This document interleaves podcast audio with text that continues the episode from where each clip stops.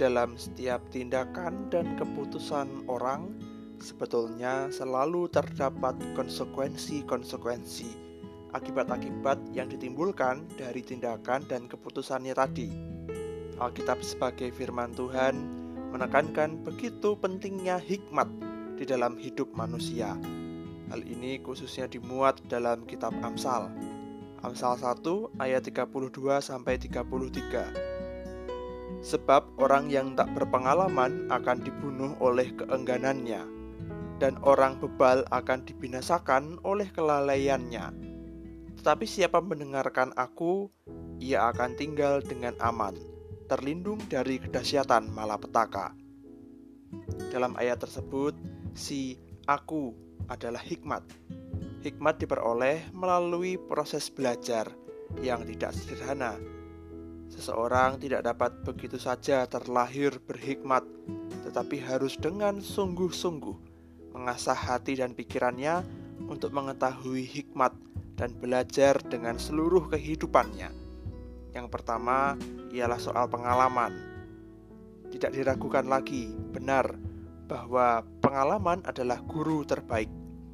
Guru itu memberikan pelajaran yang sangat berharga setiap orang memiliki kesempatan untuk mendapatkan pengalaman yang baik dalam hidupnya.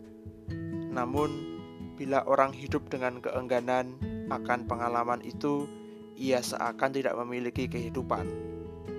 Kedua, karena belajar dan karena memiliki pengalaman, orang dapat terhindar dari kesalahan-kesalahan yang akibatnya bisa fatal.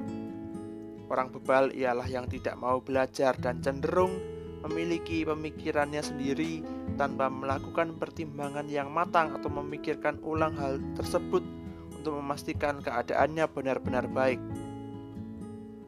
Hal ketiga, orang yang mendengarkan hikmat dengan sungguh-sungguh akan aman dan terlindung dari malapetaka. Hidup tanpa hikmat memiliki konsekuensi yang begitu buruk dan bahkan dalam masyarakat tanpa hikmat tidak akan ada peradaban dan kemanusiaan yang sejati. Namun, hidup dengan hikmat akan membangun kehidupan, membuat keadaan-keadaan baik muncul, dan menghidupkan kemanusiaan di tengah hidup bersama.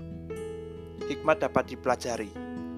Mohonlah kepada Tuhan untuk menunjukkan jalan dan pengalaman yang menolong kita belajar tentang hikmat sehingga kita memiliki hidup yang lebih baik.